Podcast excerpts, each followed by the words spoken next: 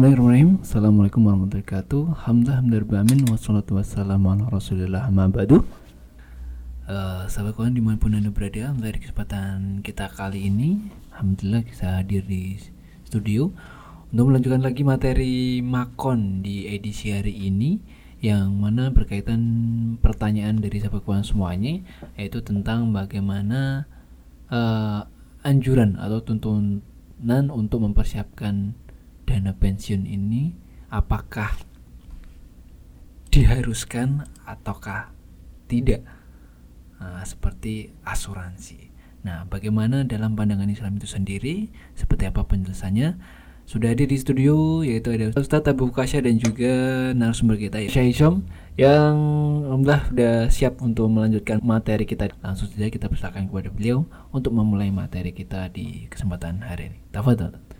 Bismillahirrahmanirrahim. Alhamdulillahirrabbilalamin Wassalatu wassalamu ala ashrafil mursalin. Nabiyina Muhammad wa ala alihi wa sahbihi ajma'in. Pendengar sahabat Quran yang dirahmati oleh Allah subhanahu wa ta'ala Alhamdulillah dalam kesempatan kali ini kita bertemu kembali di Makon Majelis Takon Bersama Syekh Al-Fadil uh, Syekh Isam Hafizahullah wa ra'ah Yang beliau akan menjawab pertanyaan-pertanyaan dari sahabat Quran yang sudah masuk. Dan untuk menyingkat waktu, baiklah kita langsung kepada pertanyaan yang berikutnya. Pertanyaan yang selanjutnya, dalam Islam apakah ada anjuran atau tuntunan untuk mempersiapkan dana pensiun?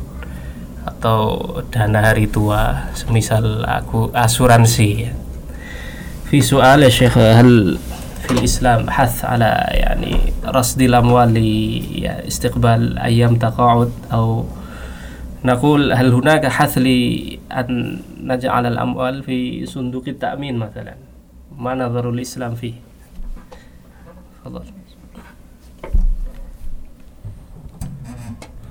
السلام عليكم ورحمة الله وبركاته. وعليكم السلام ورحمة الله وبركاته. بسم الله الرحمن الرحيم. الحمد لله رب العالمين. والصلاة والسلام على أشرف الخلق وأطهرهم وأزكاهم محمد بن عبد الله اللهم صل على صلى الله عليه وسلم. رحمة المهداة والنعمة المسداة والسراج المنير البشير النذير. اللهم أحينا على سنته آمين. وأمتنا على ملته وارزقنا شفاعته آمين. وأرفقنا صحبته في الفردوس الأعلى ومتعنا بلذة النظر إلى وجهك الكريم. آمين. اللهم آمين. آمين. آمين. يا رب العالمين.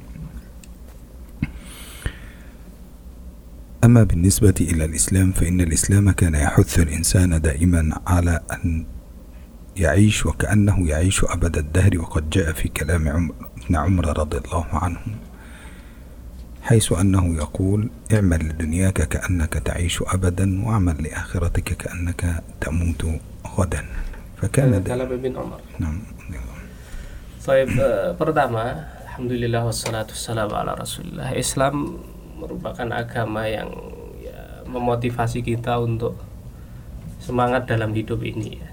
Untuk semangat dalam hidup ini termasuk ya mengangankan bahwa hidup ini lama gitu ya. Karena ada sebuah riwayat dari Ibnu Umar beliau mengatakan bekerjalah untuk duniamu seolah kamu hidup seterusnya dan beramallah untuk akhiratmu seolah kamu mati besok. وقد علق ذلك على ذلك البخاري حيث أنه ذكر ذلك في معلقاته أن هذا الكلام من كلام ابن عمر لأن بعض الناس يظنون أن هذا الكلام من حديث رسول الله صلى الله عليه وسلم وخاصة أنه يرد في كتب السنن على لسان الصحابة فيقول عن فلان كذا ويرد في هذه الأبواب. فذكر البخاري في تعليقاته فقال هذا كلام ابن عمر. Baik, jadi sebagian orang mungkin menyangka ini hadis ya bukan, tapi ini termasuk eh, hadis muallak. Hadis muallak itu ucapan sahabi bukan ucapan Nabi SAW dan ini disebutkan oleh Imam Bukhari dalam riwayat-riwayatnya yang muallak. Jadi beliau mengatakan Ani bin Umar bukan dari Rasulullah SAW. وكما ذكر ذلك البخاري هنا نقول هذا حس واضح من صحابة رسول الله صلى الله عليه وسلم ولم ينكر عليه أحد من الصحابة هذا القول ولم ينكر عليه أحدا ممن حضر وكان هذا الكلام في عهد رسول الله صلى الله عليه وسلم وكان النبي موجودا فصار ذلك إجماعا لأن النبي صلى الله عليه وسلم لا ينكر أحدا على باطل Jadi ini ucapan Ibnu Umar radhiyallahu anhuma dan beliau mengucapkannya ketika Nabi Shallallahu alaihi wasallam masih hidup dan tidak diketahui ada seorang pun yang menyalahkan ucapan tersebut. Maka ini merupakan sebuah dalil yang nyata bahwa Islam itu menghasung pada kita untuk ya mengharapkan panjang umur وحينما يتكلم الصحابة أو حينما يسكت النبي صلى الله عليه وسلم فهذا يعد منه أو هذا السكوت يعد منه موافقة صلى الله عليه وسلم لأن عندنا السنة عند علماء الحديث هي كل ما ورد عن النبي صلى الله عليه وسلم من قول أو فعل أو تقرير أو صفة. فالسنة التقريرية هي إما أن يكون تقريرا بالقول وإما أن يكون تقريرا بالسكوت وإما أن يكون تقريرا منه صلى الله عليه وسلم بالضحك. Jadi eh, sikap diam Nabi Shallallahu Alaihi Wasallam ini kalau dalam ilmu hadis disebut sunnah takririyah. Ini sunnah takririyah Shallallahu Alaihi Wasallam dari Nabi Shallallahu Alaihi Wasallam itu bisa dengan beliau mendiamkan atau beliau tidak menyalahkan atau beliau tertawa sebagai tanda setuju والله أعلم وحينما تكون السنة عندنا كما قسمنا مثلا مثال السنة مثلا التقرير بالقول كمثال مثلا جابر بن عبد الله حينما ذهب هو ومجموعة معه إلى قوم من الناس وأبوا أن يطعموهم الطعام وحدثت حادثة الرقية بقراءة الفاتحة. فبعد ذلك نعم في حديث جابر. فحينما وجدوا في مسألة الرقية هنا قالوا للنبي صلى الله عليه وسلم أو قالوا لجابر لا نأكل معك حتى نسأل رسول الله صلى الله عليه وسلم. فقال النبي صلى الله عليه وسلم اضربوا لي سهما منها وكلوا. فبا فكون النبي صلى الله عليه وسلم هذا إقرار بكلامه صلى الله عليه وسلم يعني أنا موافق على هذا الفعل.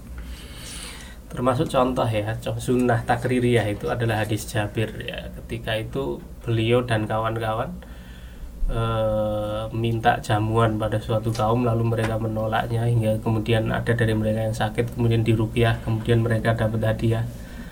Eh, kambing ya kemudian teman-temannya Jabir tidak mau makan sebelum bertanya kepada Rasulullah SAW maka kemudian Nabi SAW eh, mengatakan berikan aku bagiannya. Kemudian beliau ikut memakannya. Ini termasuk sunnah takririyah yang membenarkan uh, apa upah daripada rukyah itu tadi. أما بالنسبة إلى التقرير بالسكوت فكما جاء في أحاديث الصحابة رضي الله عنهم وقد جاء مثلا في حديث كنا نعزل على عهد رسول الله صلى الله عليه وسلم فلم يأمرنا ولم ينهانا.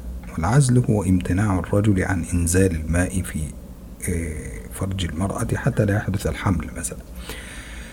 فهذا العزل كان موجودا على عهد النبي صلى الله عليه وسلم وسكت وقد ذكر ذلك الإمام السيوطي في في كتابه اللآلئ المتناثرة في الأحاديث المتواترة هكذا Masya Allah termasuk contoh takririyah dengan sukut itu adalah masalah azal ya azal ini saya yakin para pendengar sahabat Quran sudah tidak asing jadi seorang suami uh, ejakulasi di luar liang kewanitaan istrinya supaya tidak terjadi kehamilan. Dan itu terjadi dan Rasulullah SAW mendiamkannya tidak menyuruh tidak juga melarang. Nah, ini juga dibenarkan dan hadis-hadis seperti ini disebutkan oleh Imam Suyuti dalam kitabnya Al-Ali Al-Mutanathirah. Fil Ahadith Al-Mutawatirah ya, Imam Suyuti punya kitab yang memuat hadis-hadis seperti ini. ويذكر في هذا الكتاب الأحاديث التي تواترت عن النبي صلى الله عليه وسلم أو نقلت إلينا بالتواتر. والتواتر هو الذي رواه عدد كثير أو جمع كثير من العلماء فيذكر نوعين من التواتر. التواتر اللفظي وهو ما جاء لفظا ونصا عن رسول الله صلى الله عليه وسلم واتفق جميع الصحابة على نص واحد. والتواتر المعنوي وهو الذي جاء بنفس المعنى. لكن جاء نص الحديث ولكن اختلف المعنى فاختلف اللفظ واتفق المعنى. فهذا هو التواتر المعنوي عند الإمام السيوطي. وجاء بهذا الحديث الذي معنى كنا نعزل فعده من المتواتر المعنوي. لأن بعضهم قال أباح لنا رسول الله في العزل. وقال بعضهم كان أحدنا يجلس أو يقرب من امرأته فإذا أراد إنزال أن فإذا أراد أن ينزل آه، عزل عنها. وقال بعضهم آه، بص- بصيغة العزل وذكره بعضهم بصيغة الابتعاد وذكره بعضهم بصيغة ال ال ال ال الانفراج عن المرأة هكذا فكل واحد ذكره بصيغة معينة ولكن هذا كله ورد بالتواتر فقال السيوطي وقد رواه أربعة وعشرين من صحابة رسول الله صلى الله عليه وسلم Imam Suyuti dalam kitabnya ini itu menyebutkan hadis-hadis yang mutawatir.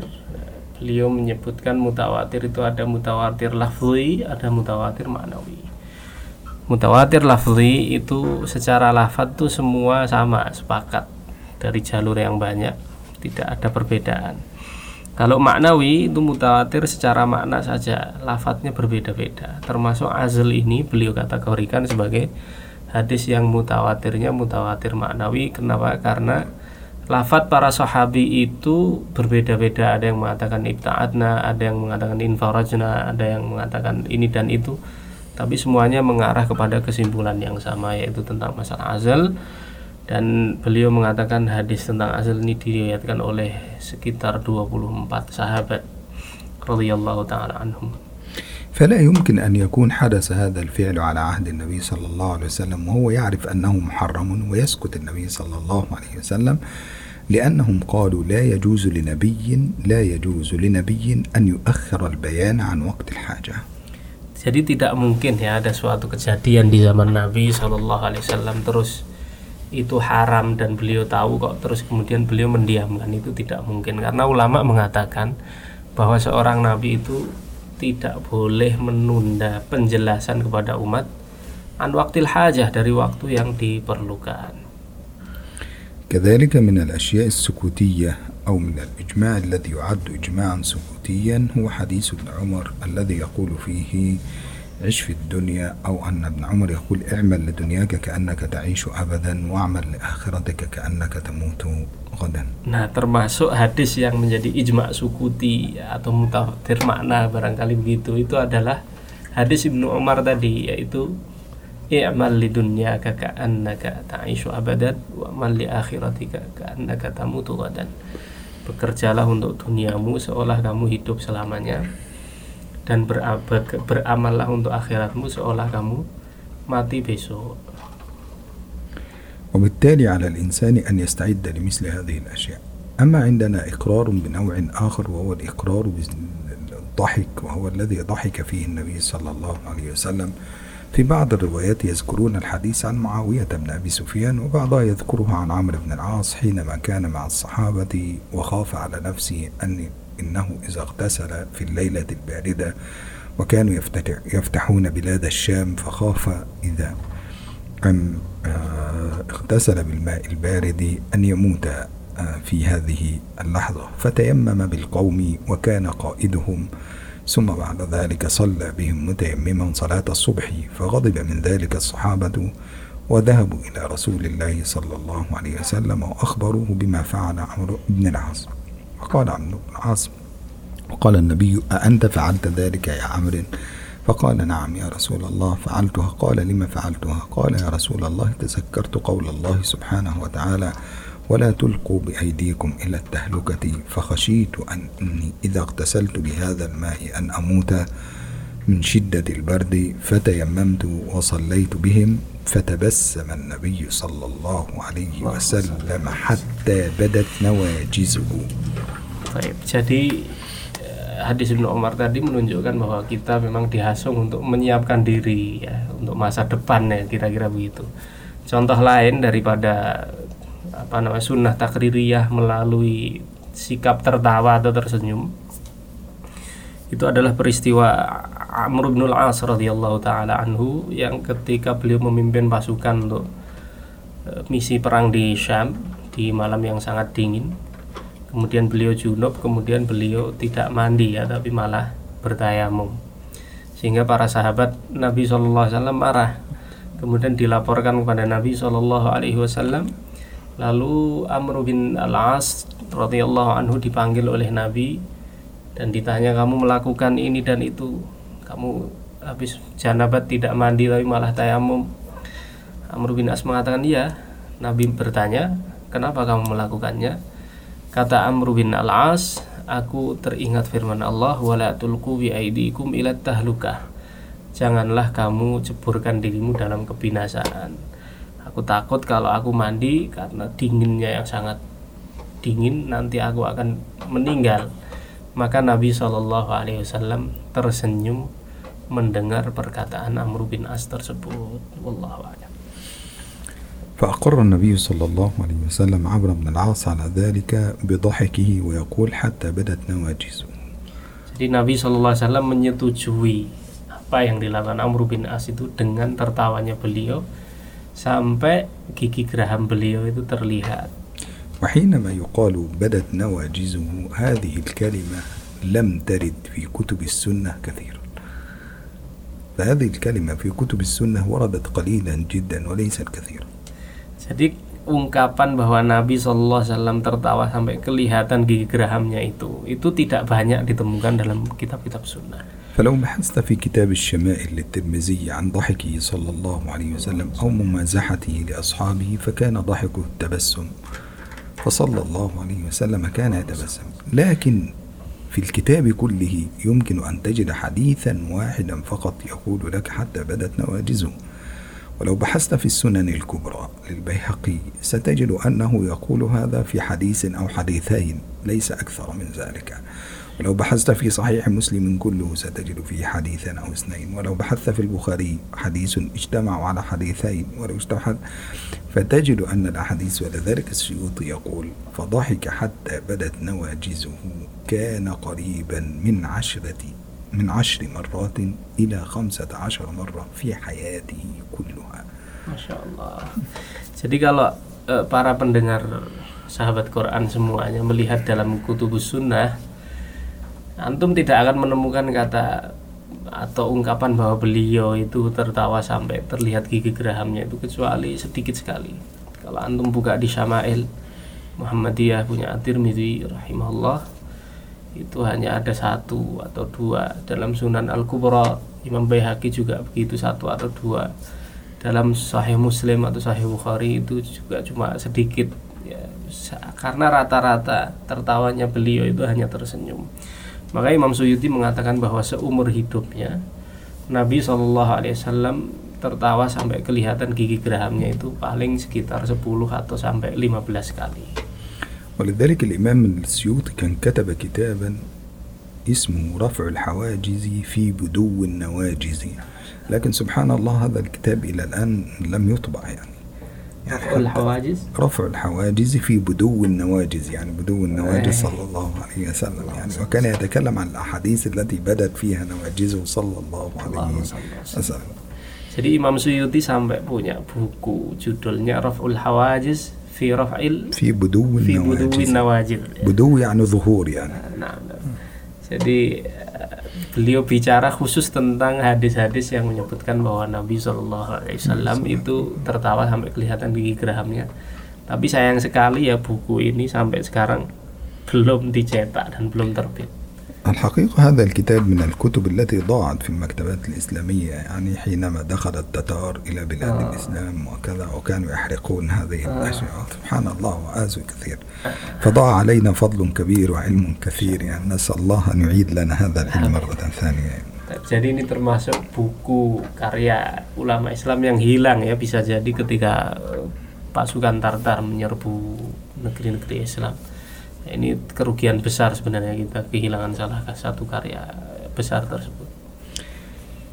هذا بالنسبة إلى الإقرار السكوتي أو بالنسبة إلى أن الإنسان هل على الإنسان أن يستعد لحياته بأشياء كثيرة أو يعيش يوما بيوم الحقيقة النبي صلى الله عليه وسلم أيضا وكأنه يوصي آه، سيدنا سعد بن أبي وقاص وحينما يقول له النبي صلى الله عليه وسلم لأن تدع ورثتك أغنياء خير من أن تدعهم عالة يتكففون الناس Baik. Eh, jadi itu tadi ya tentang sunnah takririyah ucapan Umar ada hadis lain bahwa Nabi SAW pernah berpesan kepada sahabat Sa'ad bin Abi Waqqas ini untuk menunjukkan bahwa mempersiapkan masa depan itu juga masyru' ya. beliau mengatakan la an tatruka warathataka aghniya'a khairan min an tada'ahum alatan yatakaffafuna nas kamu meninggalkan ahli warismu dalam keadaan berkecukupan itu lebih baik daripada kamu meninggalkan mereka dalam keadaan melarat dan me menyusahkan orang lain. وكان موجودا على عهد النبي صلى الله عليه وسلم شيئا كان يسمى بالجمعة أو الجمعات هكذا وكانت تفعله النساء في البيوت ما هو هذا الشيء الجمعة أو الجماعات Taib. Jadi di zaman Nabi SAW ada satu tradisi namanya Jumu'ah atau Jamaat. نعم Apa dia? فالجمعة أو الجماعات هذه كانت عبارة عن صندوق أو عبارة عن شيء يعني كانوا يجمعون البيت ال ال الأموال في بيت امرأة في كل يوم جمعة في كل يوم جمعة يجمعون المال يجمعون المال يجمعون المال ثم يعطونه لواحدة منهم في كل أسبوع تستعين به على نفقة بيتها.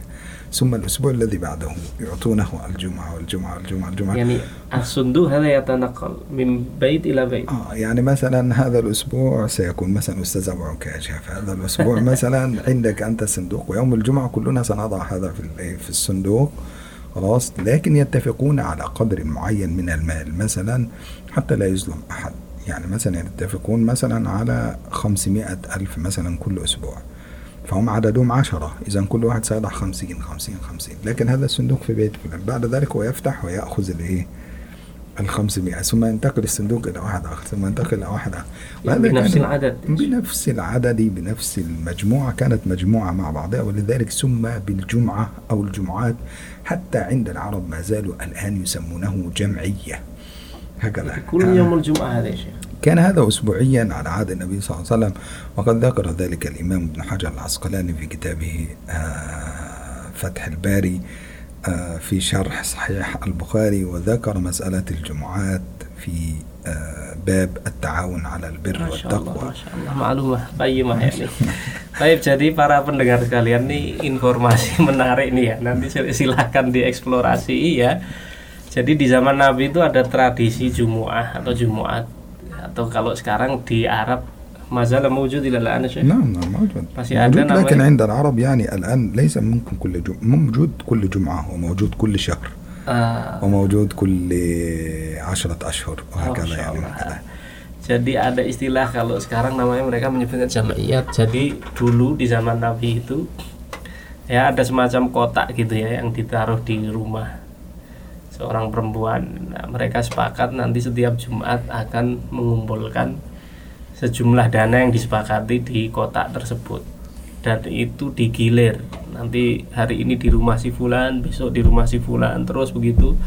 Dalam jumlah yang disepakati. Misalnya pekan ini 500 ribu ya yang mau nyumbang 10 orang berarti satu orang nanti nyumbang 10 eh, 50 ribu misalnya. Dan begitu seterusnya yang kebagian ketempatan daripada kotak tersebut nanti dipersilahkan menggunakan dana tersebut untuk eh, belanja kebutuhan-kebutuhan sehari-harinya terus begitu bergilir. Nah ini tradisi ini subhanallah ternyata ada ya pemirsa semua eh, apa sahabat Quran semuanya di zaman Nabi SAW dan sampai sekarang kata beliau masih ada tradisi itu tapi kalau sekarang ini di beberapa negeri Arab ada yang per pekan ada yang per bulan ada yang ya, per 10 bulan ويسمى ذلك أيضا في بعض البلاد العربية بالمحفظة mahfalah نعم كأنه شيء يحفظ له الفلوس لمدة آه. هكذا شو هذا ذلك di negara lain itu disebut mahfalah ya Kotak dana lah kira-kira gitu untuk ya nampung uang gitu. هكذا فبالتالي يحفظ له الفلوس حتى يعين هذا وهذا النوع قد ورد حقيقة في العقود الحديثة أنه يسمى بالتعاون الاجتماعي أو بالتأمين الاجتماعي هكذا Hmm, بعض. الناس يعني مجموعة من الناس يجتمعون على تأمين حياتهم بعد ذلك مستقبليا فهذا يدفع هذا يدفع هذا يدفع وبعد ذلك هم يقومون بسداد مثل هذه الأمور وهذا يعني لأن عقد التأمين من العقود المستحدثة التي لم يرد لها تعريف في الشريعة. الإسلامية قديما فكان لابد للفقهاء أن يعرفوها بتعريفات جديدة فطبعا الوقت لا يسمح معنا أن آه. نزيد هذا فإن شاء الله إن قدر لنا اللقاء والبقاء نكملها غدا إن شاء الله Taib, intinya begini eh, sahabat Quran semuanya Ja- jadi ini disebut dengan at-ta'min al-istimai kurang lebih ya. Jadi asuransi yang sifatnya adalah asuransi sosial. Ya karena asuransi ini di zaman Nabi SAW dan di generasi awal itu tidak ada. Adanya itu adalah di era kontemporer maka para fuqaha tentu beristihad ya tentang hukumnya.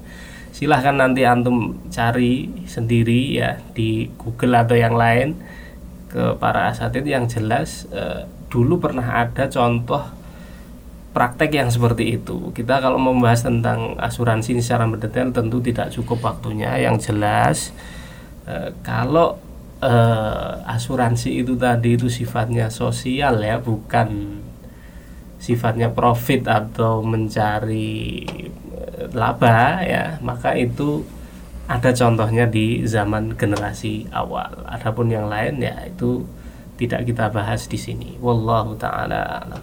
Baik. Demikian sahabat Quran eh, majelis kita pada eh, kesempatan kali ini semoga yang sedikit ini bermanfaat. Eh, boleh kami simpulkan bahwa masalah asuransi ini kalau sifatnya itu adalah asuransi sosial itu ada anjurannya dan ada contohnya di zaman Nabi Shallallahu Alaihi Wasallam itu yang pertama. Yang kedua mempersiapkan masa depan itu bukan termasuk panjang angan-angan yang tercela karena ada beberapa riwayat yang membolehkan atau menghasung bahkan ya. Yang pertama asar dari Ibnu Umar radhiyallahu anhuma i'mal li dunyaka ka'annaka ta'ishu abadan wa amal li akhiratika ka'annaka tamutu gadan yang walaupun sebagian orang mengklaim ini hadis tapi sebenarnya itu adalah kalam Ibnu Umar walaupun itu kalam Ibnu Umar tapi itu terjadi di zaman sahabat dan di zaman Nabi dan Nabi Shallallahu Alaihi Wasallam menyetujuinya. Yang kedua hadis Sa'ad bin Abi Waqqas radhiyallahu anhu bahwa Nabi Shallallahu Alaihi Wasallam mengatakan la anta da'awarthaka aghniya'a khairum min an tada'ahum 'alatan yatakaffafuna nas itu lebih baik dari sungguh kamu meninggalkan ya ahli warismu dalam keadaan berkecukupan itu lebih baik daripada kamu meninggalkan mereka dalam keadaan miskin melarat dan memberatkan atau menjadi beban bagi orang lain. Demikian jika ada benarnya itu datangnya dari Allah Subhanahu wa taala dan jika ada salahnya itu dari diri kami pribadi dan dari setan Allah dan rasulnya terlepas dari kesalahan tersebut wa subhanakallahumma wa bihamdika asyhadu an la ilaha illa anta astaghfiruka wa atubu ilaik wassalamu alaikum warahmatullahi wabarakatuh Waalaikumsalam. Waalaikumsalam warahmatullahi wabarakatuh. Jazakumullah khairan kepada Ustadz Abu Kasyah dan juga Syekh Isom yang sudah tadi melanjutkan materi kita. Dan tentunya tadi sudah kita dengarkan materi awal ya dan insya Allah kita akan lanjutkan lagi di sesi kedua tentang pembahasan asuransi atau uh, anjuran mempersiapkan dana pensiun untuk hari tua ya. Dan seperti apa pembahasannya jangan lewatkan di 99.9 FM Radio Sekiriman sahabat Anda belajar Al-Quran dalam program Makon Majelis Tanya Jawab seputar hukum-hukum keislaman bersama narasumber kita yaitu Syekh Isom yang insya Allah akan kita siarkan di 99.9 FM Radio Iskarima sahabat anda belajar Al-Quran. Akhirnya saya Andi Ramadan yang mewakili segenap kru Radio Iskarima yang bertugas. Pamit undur diri dari dengan sahabat kawan semuanya. Terima kasih atas kebersamaannya. Alhamdulillahirrahmanirrahim Subhanakallahumma wa bihamdik. Ashadu an la ilaha illa anta astaghfiruka wa Wassalamualaikum warahmatullahi wabarakatuh